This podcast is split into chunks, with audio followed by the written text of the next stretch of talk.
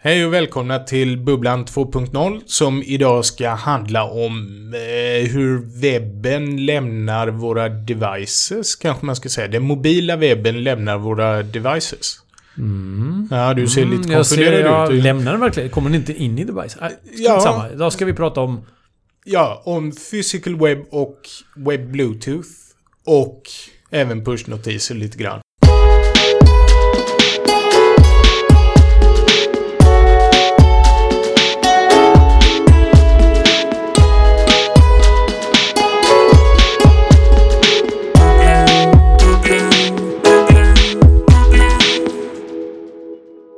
Och anledningen till att vi väljer att prata om det här det är att jag såg eh, talk från vad heter det? Chrome Developer Summit. Där de pratar om just web bluetooth och physical web. Och att jag tyckte det var jättehäftigt. Det var verkligen så att jag fick gåshud på riktigt. Vi börjar med physical web. Och det är Bluetooth beacons. Ja, alltså Physical Web var väl någonting som kom när, när Apple satte igång sin hela sån här iBeacon-grej. Som var liksom en rätt smart sätt att emitta en signal från en Bluetooth Low Energy device. Mm. Så Apple kom på liksom, en, eh, liksom ett sätt att formatera ett meddelande som, som liksom skickades ut lite då och då. Liksom. Och eh, Physical Web var, är rent tekniskt samma sak fast en annan typ av, ett, annat typ av meddelande egentligen. Det är Ja. i alla fall på den tekniska biten är det inte något annat än, än så. Men den fyller ju en mycket, mycket viktigare funktion kan man säga. Ja, eller en helt annan funktion skulle jag vilja... Det är lite det här med produktdesign, skulle man kunna säga. Jag har för mig det heter. Just det där, man tar egentligen exakt samma sak och gör två olika grejer av det beroende på vilket eh, angreppssätt man tar.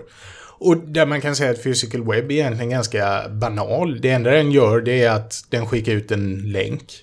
En Ja, och, men okej, men om vi ska backa lite. Ta, hela tanken med Physical Web är att man insåg att liksom om fler och fler saker är smarta eller uppkopplade så måste vi ha ett sätt att hitta dem.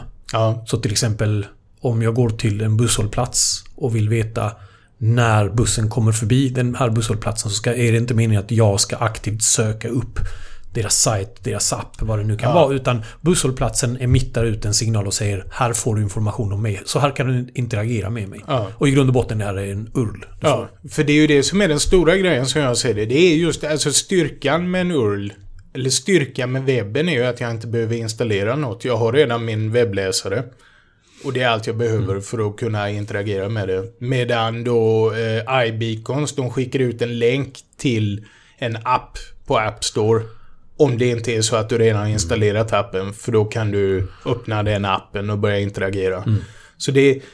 Som, Ja, fast, alltså, jo, för iBeacons syfte var ju något helt annat. iBeacons syfte var i princip att veta i princip om du är i närheten av någonting.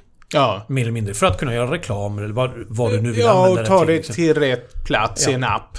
Egentligen. Och det är ju som vi har pratat om tidigare att eh, Apple gillar appar och Google gillar Chrome. Eller webb. Kan man, Ja, om man ska. Eh, Nu ska inte vi gå i den vägen igen här idag. Men, Nej, men som- ja. det blir ju för det, det kan ju kännas lite löjligt egentligen att det enda den gör det är att skicka ut en URL. Att, eh, det är många tydligen som säger då att ja men QR-koder, LOL. Eftersom QR-koder skrattar man Ja, åt. och vi sa precis att QR-kod är i princip en analog web. Ja, Nästan med den skillnaden att du måste ha rätt app Ja. för att kunna, och du måste ta upp den och du måste scanna och... Ja, och, och, och här är väl den stora skillnaden också mellan en iBeacon och det här är bara hur man implementerat det på, på OS egentligen. Men hur en iBeacon och hur en web reagerar. Alltså en, en webs signal, det vill säga en URL, skickas och tas emot till exempel av telefonen men den kommer aldrig poppa upp som någon slags notification. Nej, Utan du får exakt. bara veta att det finns någonting i närheten men sen är det liksom telefonen kommer aldrig eh, tvinga till sig uppmärksamheten. Mm. Nej, utan tanken är att man går in och kollar vad finns det i närheten som jag kan interagera med. Mm. Och där, man kan ju ta några sådana här typexempel som gärna dyker upp. Där det ena är en filmaffisch till exempel. Du Mm. går och ser en filmaffisch och undrar okej, går den här, när går denna, vad kostar den hit och dit. Och så får du länken direkt till bion eller vem det är som Mm. har satt upp den. Eller det som hände mig är att jag hade ett nytt element hemma. Det är ju inte så ofta man har nya element hemma. Men så skulle jag ställa in det elementet och var tvungen att leta rätt på manualen och kolla. Jag försökte först googla om jag kunde hitta företaget. Men det stod ju inte namnet. Det är ju inte så att de skriver ut det jättestort på sina element. Där hade det ju varit jätteskönt att bara ta upp mobilen och klicka och så hade jag varit nöjd om det kom till en pdf. Ja. Även om jag historiskt sett avskyr pdf på webben. Men... Mm, det... Ja, Ja, det finns väl... Ja, jag har sett att tvättmaskiner har så här QR-kod med felkoder. Så att Ja, om något är fel, scanna in den här koden så vet du vilken felkod det är och sådana saker. ja. Ja. Och det, det är ju det som är... Det, det är ganska lätt när man väl börjar tänka hur Mm. många... Allt sånt där. Hur återvinner jag? Hur källsorterar jag den här spisen? Men, men som sagt, i Physical Web-fallet så var det väl just det att du... Utgångspunkten är de saker du kan interagera med. Du får en URL och därifrån tar man det vidare. Om Ja. sen den här URLen utnyttjas för att ladda ner en app eller använda en sajt eller vad det nu må vara. Mm. Det spelar inte så mycket roll. Ja, för han visar också en demo när han... Han skannar en parkeringsmätare och får då en URL som tar någon till molntjänst där han betalar och så skickar den tjänsten en signal till parkeringsmätaren som då måste ha lite chip i sig. Men de börjar ju bli så små och billiga att så kommer det ju bli. Så att eh, mobilen interagerar med molntjänst och sen interagerar med parkeringsmätaren. Eh, förlåt, när du sa scanna så menar du då physical web-scanning, inte QR-kodscanning. Ja, just det. Han skannar ju inte egentligen utan han kollar, finns det något här jag kan Ja. interagera med?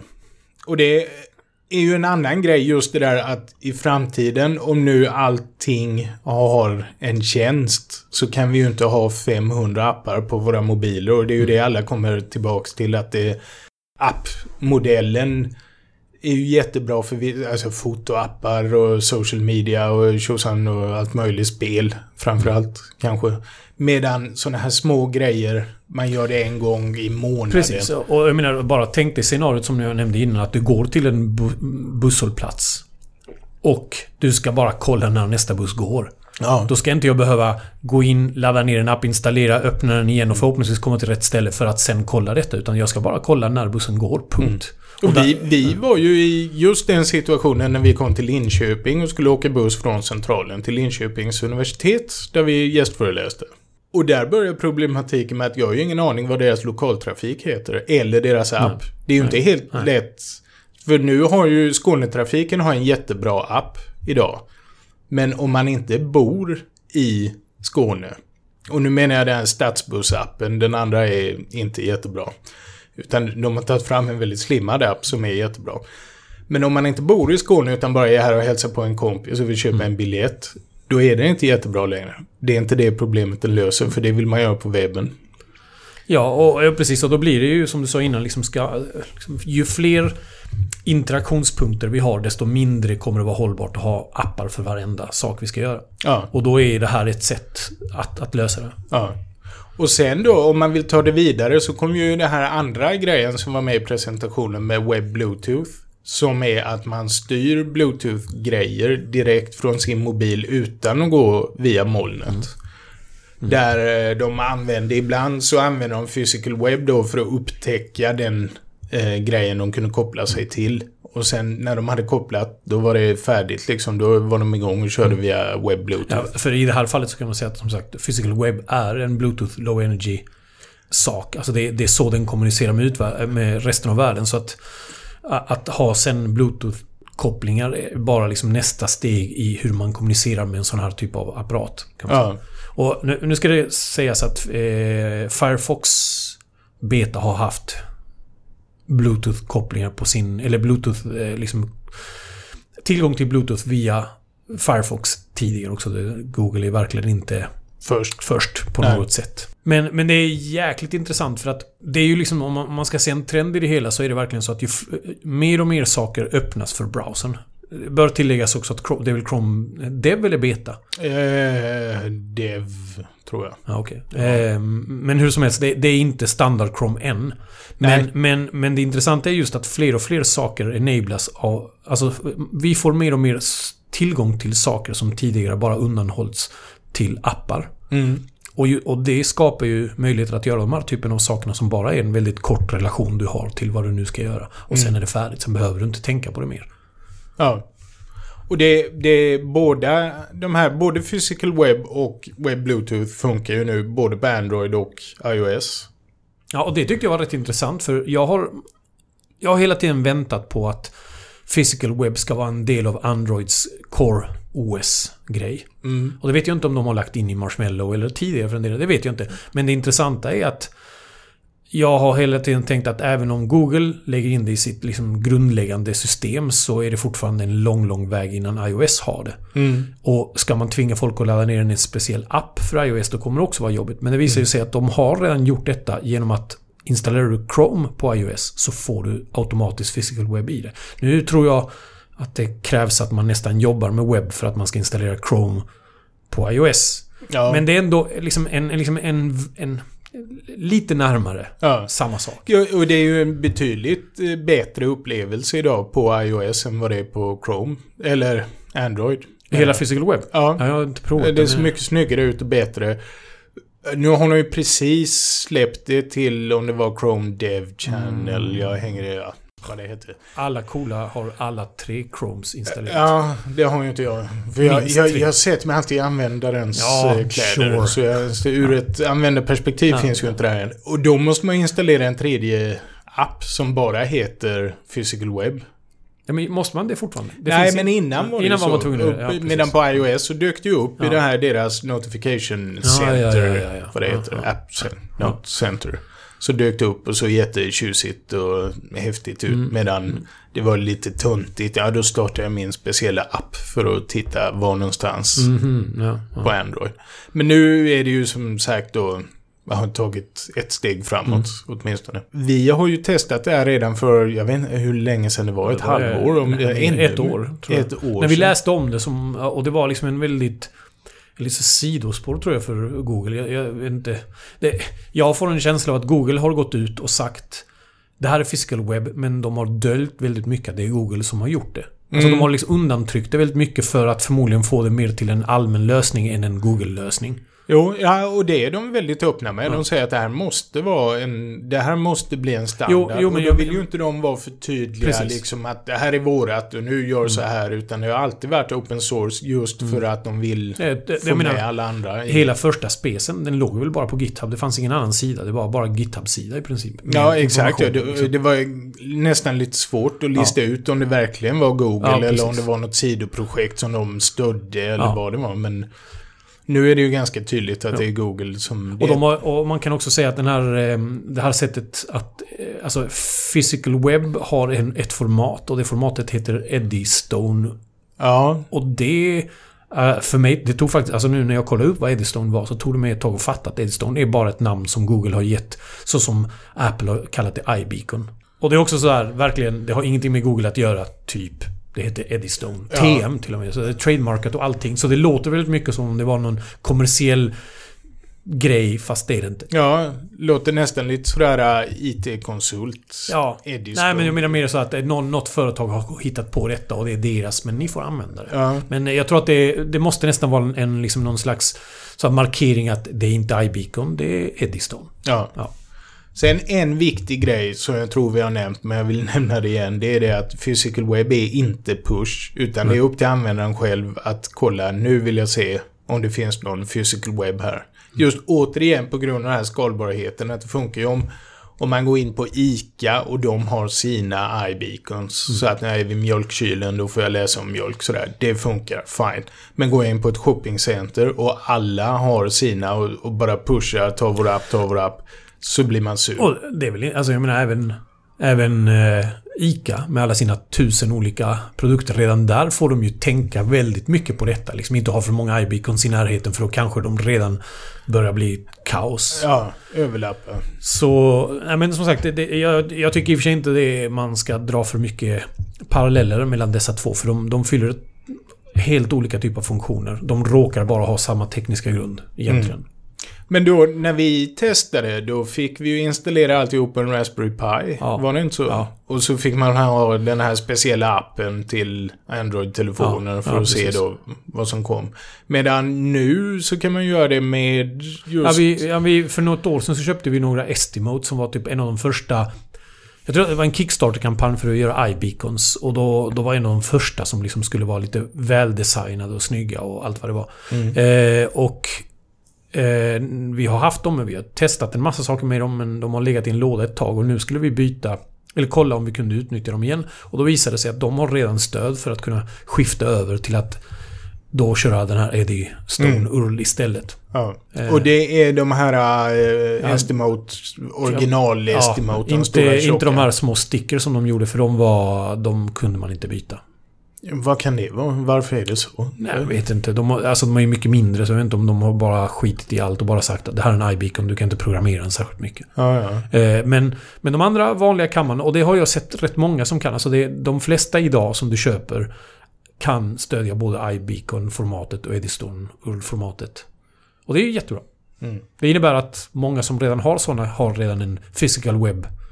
Och vi har förresten tänkt också, nu kanske inte man ska säga det nu, men vi har ju tänkt att vi ska placera ut några sådana utanför vår, vårt kontor i framtiden Ja. snart. Någon gång. Så att man kan gå förbi här och, och liksom Testa. kolla vad, ja, vad vi kan Ja. göra med det. Ja. Förmodligen något så häftigt som att besöka vår sajt eller något Ja, sånt där. ja. Nej, kanske en, en, Nej, det måste ja, vara lite bättre. Nej, det, nej, det. Byta ju färg på våra loggor. Ja. på en lampa som Ja, står precis. i fönstret och Ja, lyser. någonting ska vi i alla fall göra. Någonting. Men nu har vi ju suttit här och varit rätt positiva. Tycker jag. Ja. Det här är ju spännande och jättekul. Men det finns ju några nackdelar, ska man vara tydlig med. Och det är ju... Just för jag ser ju de här tre... Nu har vi, apropå att jag sa inte push. Så finns det ju också push-notiser till browsern. Som också passar in rätt bra i den här att du kan koppla, du får en URL som du kopplar dig mot en tjänst och sen så kan du bli påmind om saker. Ja, du körde väl din, din klassiska sån här curl-ups-exempel.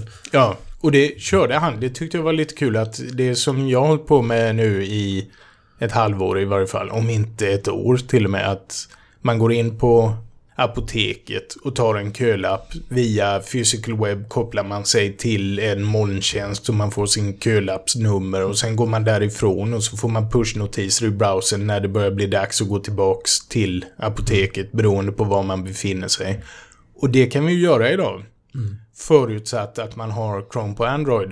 Eftersom vi då hamnar i det här inkompatibilitetsträsket med olika features på olika plattformar. Där push notifications till vi- via en sajt är en Chrome-specifik sak. Jag har faktiskt ingen aning om de, om de tillåter det via iOS. Jag tror de borde göra det. Jag ser inte varför de inte ska göra det. Men hur som helst så vet vi i alla fall att Android funkar. Ja. Och jag, än så länge går det inte på iOS. Det går Senast inte jag alls. kollade upp så okej. gick det inte. Men Även om jag inte heller fattar varför det inte skulle gå, men ja. det är så är säkert det. någon notification-historia på det Apples moln. På, äh, äh, ja. Någon lyssnare kanske vet mer om detta. Och sen är det ju hela det här med SSL du tog upp. Ja, jag tog Apropå- upp det fast jag vet att vi... Du har skrivit upp det som en nackdel. Jag ser det inte som en nackdel. Utan om man tittar på vart många vill att det ska gå så vill man ju att alla sajter ska ha SSL idag. Inte bara vissa. Utan SSL ska vara en, en grundläggande grej i hela webben egentligen. Ja. Eh, och där nackdelen har varit... Det har väl funnits två, två problem med det idag. Det ena är att det är tekniskt semikrångligt att sätta upp. Mm. Och det dessutom kostar rätt mycket pengar. Mm. Vilket gör att de flesta sajterna har inte det och, och små sajter kommer inte ha det så länge det kostar så mycket pengar som många vill ha. Men där har det börjat komma lite initiativ som till exempel Let's Encrypt som är en, en tjänst som öppnar sin beta nu om någon vecka. Ja. Där de erbjuder helt gratis SSL till alla och lagt ner jättemycket tid på att det ska vara superenkelt att installera. Så i princip installerar du deras grej på din server, följer den, liksom skriver in någon, någon kommando och sen följer du deras guide och sen har du en SSL. Inga... För tidigare är det så att du måste skapa en nyckel och skicka upp den till en, ett ställe som ger dig något annat, sen installerar du på servern. Massa så, alltså flera steg. Här har de gjort allting i ett steg och gratis. Och har rätt mycket backning så att det är inte... Det finns ju andra som heter typ jag tror det är Star SSL, något sånt där, som är gratis SSL som funkar lite halvdant. Ja. Men det här fun- ska funka bra. ja, för det är väl det att det måste vara en godkänd Precis. SSL Och också. de har blivit godkända också. Ja. Så att det- det är ju... Vad ska vi säga? Om, om SSL är krav till exempel för att kunna få push notifications på en Android-telefon via browsern. Hela deras service worker som det heter måste ha SSL. Mm. Eh, men om sådana här initiativ tar fart, då är det inte ett problem längre. Och det är egentligen inget problem nu heller, mer än att det är en kostnad. Och det är lite konstigt kan man tycka eftersom eh, vissa stora jättar pushar för jag vet till exempel en sökmotor som rankar SSL-sidor högre än andra. Och då kan man tycka det är konstigt när de nu har så mycket pengar som de tjänar på sökannonser. Varför drar inte de igång ett sånt här Nej, projekt? och det har faktiskt också förvånat mig. Jag har också tänkt att ett sånt stort företag borde För, men kanske... erbjuda det hela. Men jag vet inte, de kanske sätter sig emot väldigt många, eller fast nej. Jag, jag tror att det här är... Alltså, Let's Encrypt är den enda jag känner till just nu, men jag, jag tror att det är bara i början. Men menar, det Go- kan bli lite som webbhotell eller vad man... Eh, inte Ja, webb, men- men, men sån här URL-register... Vad heter det? Ja, do, alltså domännamnshistoria. Ja, som där Som vi bara har Ja. en ganska... Ett enkelt trick för dig som jobbar på en teknikbyrå när du får en ny kund. Det är att kolla upp hur mycket de betalar för sitt domännamn varje år. Och så kan du spara några tusenlappar åt dem genom att bara flytta det. ja. Där, Ja, ett tips. Ja. Verkligen.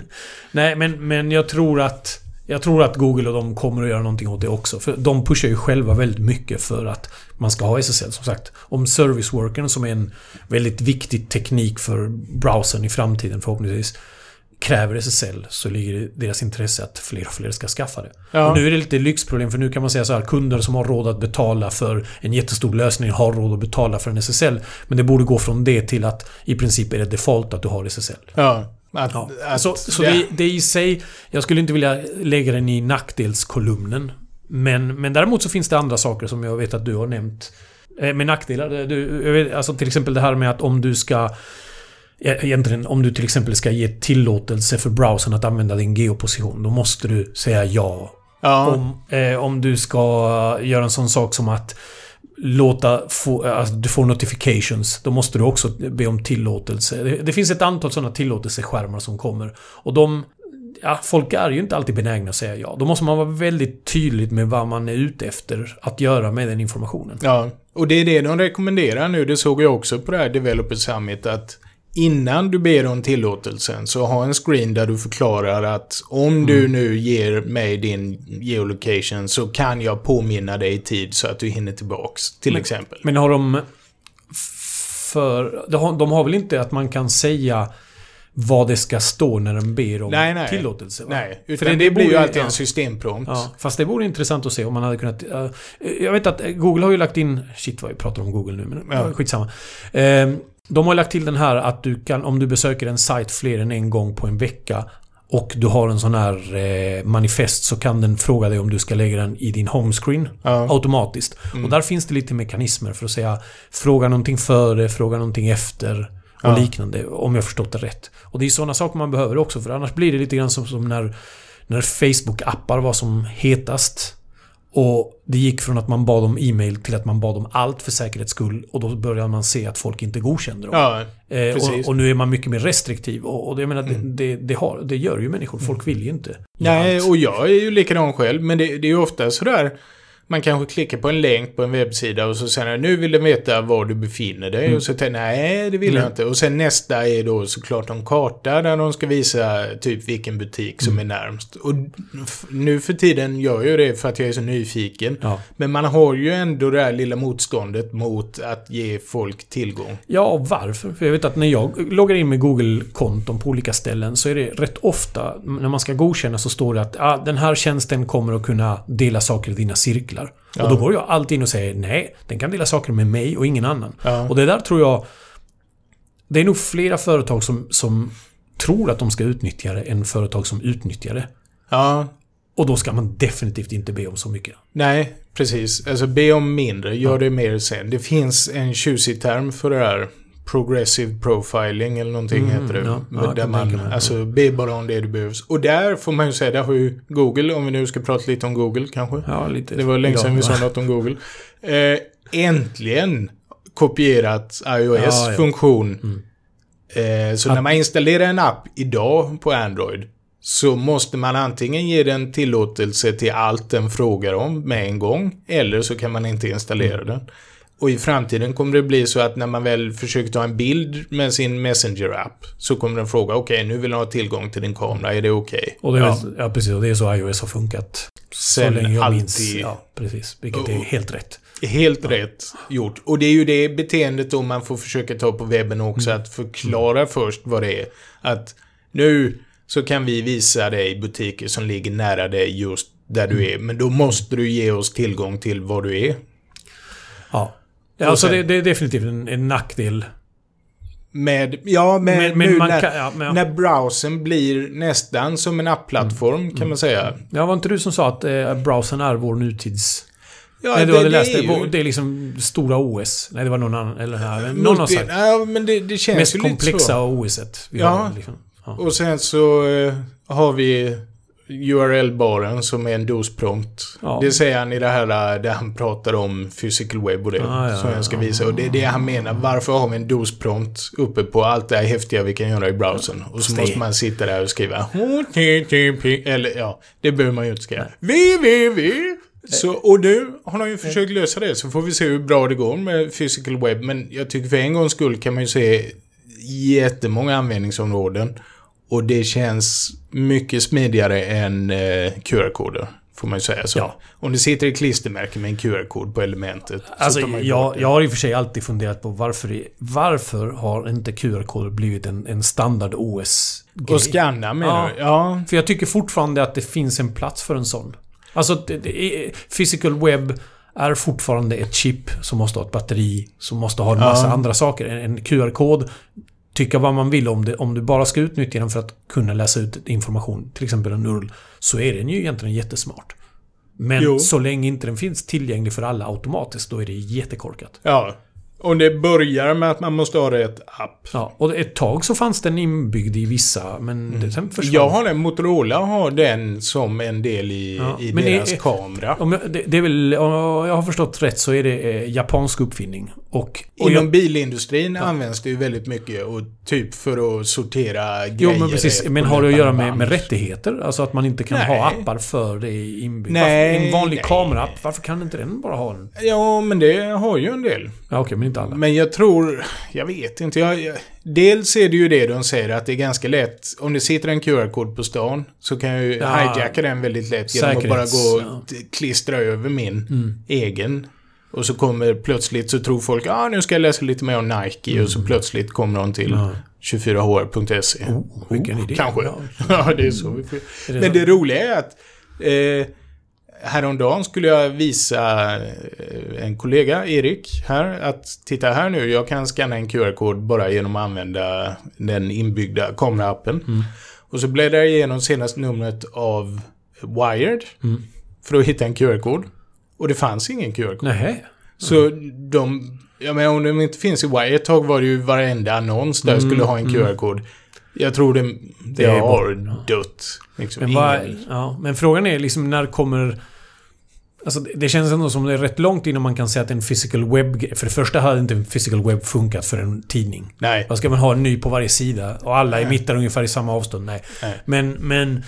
Vad har man för alternativ liksom? Är det DOS-prompten då? Eller URL-prompten? Ja, Mata in din URL? det, mata in Ja. din URL. Ja, Ja, i eller- och för sig, det är ju fortfarande så att folk är väldigt vana vid att öppna en browser och stoppa in en URL så länge Ja. den är kort så är det Men okej. de blir ju alltid så okorta. Det är ju det som Ja. är det tråkiga. Mm. Och vi har ju vårat utmärkta eh, prioriteringsverktyg som vi använder med stor framgång på alla möjliga sammanhang.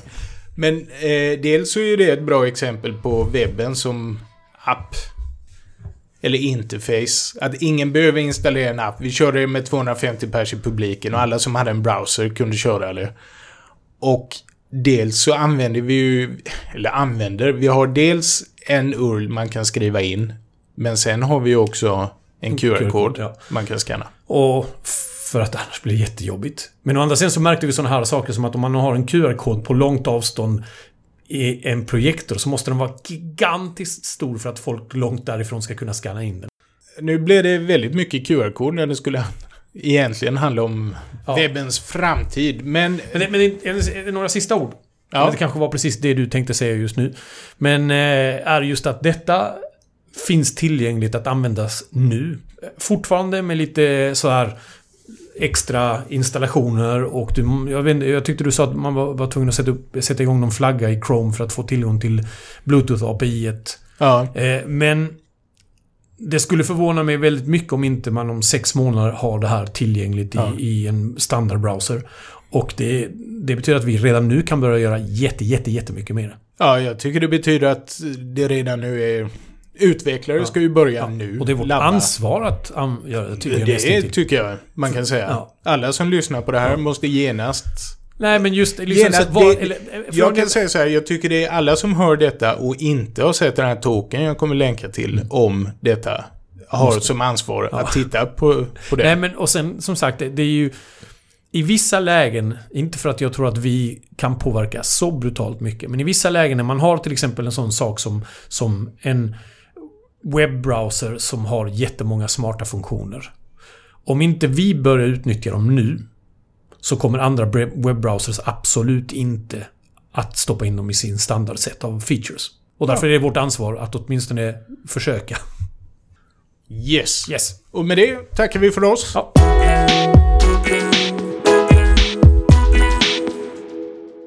Vi glömde till och med säga vilka vi var från början, men det vet alla. Det vet alla. Det är som vanligt. Det står i show notesen kan ni se. Ja. Det är en Yes. överraskning. Tack!